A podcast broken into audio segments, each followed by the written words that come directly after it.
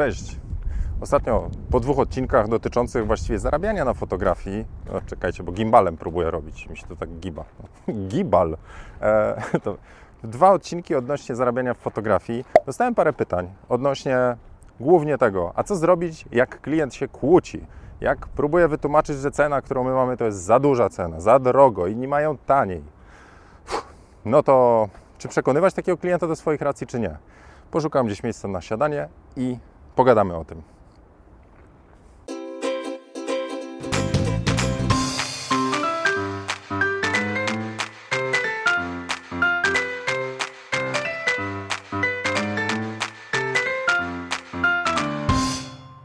Znalazłem miejsce do usiądnięcia z pięknym widokiem za plecami. Dobra, to przeczytam pytanie od Radka, bo będzie mi łatwiej się do niego odnieść. Jadę. Nieraz klienci mówią, że cena za reportaż za chrzciny ślub jest za wysoka. Najczęściej pada argument, że inni robią to samo za x taniej i że za y godzin robienia zdjęć tyle nie zapłacą. Jak można im powiedzieć, że cena, którą oferujemy, nie jest za wysoka, tylko adekwatna do włożonej pracy i do jakości zdjęć, które otrzymają? Jak im to łatwo wytłumaczyć, że nie chcą taniego fotografa i przekonać, że warto jest dopłacić? Wywody o tym, że jest to bardzo dużo kosztów i czasy, czasu pracy odpadają, bo klienci tego nie słyszą i dla nich praca fotografa to nadal tylko pstrykanie zdjęć podczas fotoreportażu. Czy jest sens takiego klienta przekonywać do naszej wyższej oferty? Nie ma. Do zobaczenia w kolejnym odcinku. A tak na serio. E, uważam po prostu, że są różnego rodzaju klienci. Są klienci, którzy kierują się ceną. Oni potrzebują zdjęć, które udokumentują to, że w ogóle ten chrzest się odbył. Dla nich punktem wyjścia jest to, że mogą zrobić sobie zdjęcia telefonem. A po drugiej stronie, już nazwijmy to inna skrajność, są osoby, które patrzą zupełnie inaczej. To jest jedyny moment w życiu. Zbiera się cała familia. Chcą mieć tego piękne, udokumentowane zdjęcia, które oddadzą ich chwilę członków rodziny i ten niepowtarzalny moment, wszystko w fajnym klimacie. Coś, do czego się będzie wracało latami. Oglądając, patrz, zobacz, trzecia Zosia jeszcze jak wyglądała. O Boże, a nasza tutaj Aniulka, jaka cudowna, jejku, kwiatuszek, a teraz zobacz. Jak... Więc to są skrajni klienci. I nie ma sensu jednych ładować do, do tego wora i przekonywać, że nie, ale zobacz, na siłę nie ma co. Jeżeli są klienci, którzy nie wiedzą, po co w ogóle robią zdjęcia, to warto im najpierw uświadomić, co takie zdjęcia dadzą, co będą e, takie zdjęcia dla nich znaczyły za rok, za dwa, za 10, za 50 lat. Wtedy możemy gadać o wartości. Ale jeżeli to jest klient, który szuka po prostu tanich zdjęć, bo może zrobić komórą, tylko nie ma kto mu tego aparatu trzymać, to nie ma sensu gadać. To trochę tak, jakbyśmy mieli próbować na siłę gościa, który szuka taniego samochodu, który go zawiezie z punktu A do B, może być odrapany, byle po prostu jeździł. E, myślałem, żeby jakiś model podać, to co można. Zaporożec, Łada, nie wiem, ja miałem malucha, więc powiedzmy, że gościa, który potrzebuje malucha, bo jest tani, kuzyn naprawi, mało pali, zmieści się wszędzie, to takiego gościa nie ma co jak wejdzie przez przypadek do salonu czego tam, Lamborghini, Ferrari, Mercedesa, Bentleya, Rolls-Royce'a, nie ma co mówić, ale jaki zapach. Zobacz, co się działo, kiedy staniesz przed liceum takim wozem. No. Różne argumenty. Mówię, nie ma sensu, to są po prostu inni ludzie. A w ogóle już pomysł na to, żeby się kłócić z klientem, czy dać się w ogóle wciągnąć w taką gierkę, uważam za po prostu chybiony. To tak jakbyście gadali z jakimś żulkiem pod blokiem, że no on był koczy, a wy po prostu wdajecie się w rozmowę. Mówicie, dobra, dzięki. No. Nie widziałem jeszcze takiej sytuacji, że e, mamy na przykład mamy kawę. W kursie Biznes z daję często przykłady z kawą, a co, fotokawka. Mamy żabkę kafe i mamy, niech będzie to ten Starbucks czy Green Cafe Nero, moje ulubione. No to jeszcze nie widziałem takiej sytuacji, że ktoś wszedł do Starbucksa i, i zaczął, jak to?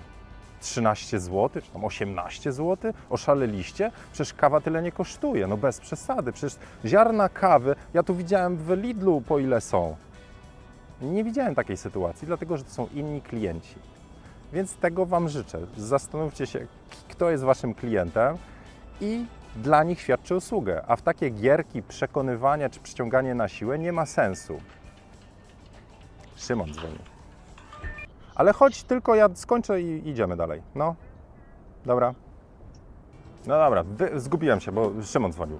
E, więc nie ma sensu osób, które chcą po prostu napić kawy i nie robią, czy jest smaczna, czy ma logo e, e, takiej firmy, czy takiej, po prostu potrzebują łyka kawy, to wezmą tanią kawę. A są osoby, które chcą jakiegoś przeżycia, chcą usiąść w tym fotelu, delektować się i dla nich te dodatkowe pieniądze nie są za kawę, tylko za całość, za to, co się będzie też z nimi działo.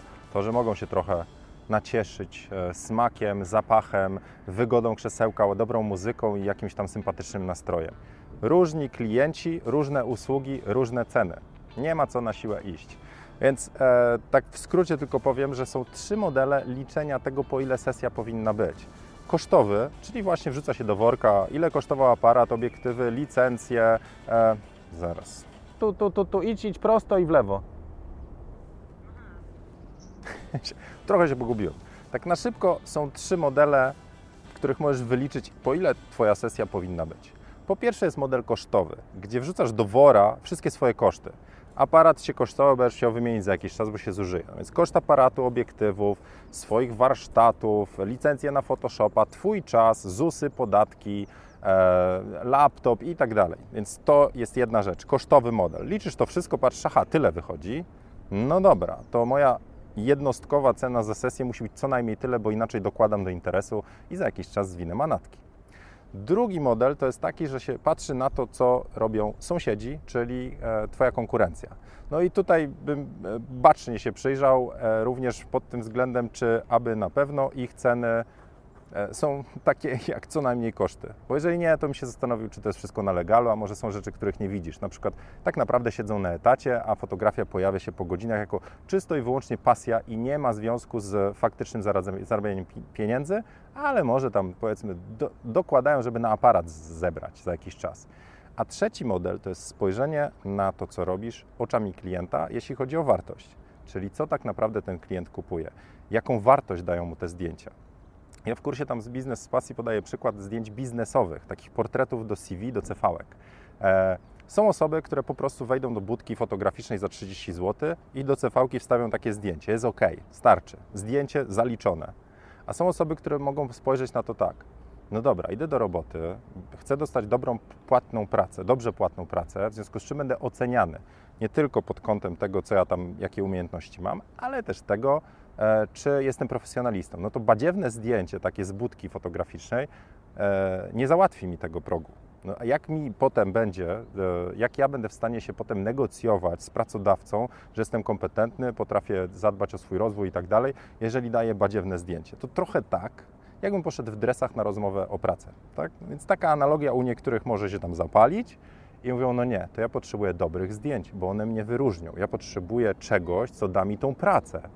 Więc jeżeli id- idąc od tej strony, że dane zdjęcie pozwoli w ogóle takiej osobie e, dostać zaproszenie na rozmowę rekrutacyjną, on inaczej patrzy na e, usłu- usługę fotograficzną. To nie, nie jest już zdjęcie, to jest zostać zaproszonym na rozmowę lub nie. Tak samo jak wizerunek e, firm e, przy kontraktach, tak? Czy mamy dobrą wizualizację firmy, dobre zdjęcia, czy nie, czy badziewne. Przecież Airbnb jako serwis na początku w ogóle nie trybił. Ludzie nie chcieli wynajmować mieszkań, bo były badziewnie zrobione zdjęcia właśnie przez użytkowników. A potem Airbnb wysłało profesjonalnego fotografa, zrobił dobre zdjęcia i to samo miejsce zyskało na wartości wielokrotnie i dlatego Airbnb działa jak działa. Więc Szedłem w tą stronę docelowo, czyli pokazywania klientowi wartości tego, co dostaje. To nie jest zdjęcie, papier i jakaś tam cyfrowa odbitka, tylko to jest coś, co na tych zdjęciach jest, coś, co też przeżyje podczas sesji i coś, co potem pozwoli mu e, czy to podnieść wartość siebie, czy firmy, czy domu, zależnie od rodzaju fotografii. Więc e, idąc już tak ku końcowi, to, to polecam zerknąć sobie na koszty, polecam zerknąć sobie na to, co tak naprawdę klient u nas dostaje i kto jest tym klientem, bo nie ma sensu iść na udry z niewłaściwymi osobami. No, to tyle w tym odcinku. Zapraszam do kolejnych pytań. E, już niedługo kurs Biznes z Pasji, e, a ja się jeszcze trochę pobawię tym gimbalem i do zobaczenia, do usłyszenia. Zobaczenia w kolejnym e, fotowlogu, fotokawce czy innych tam foto coś. I cześć!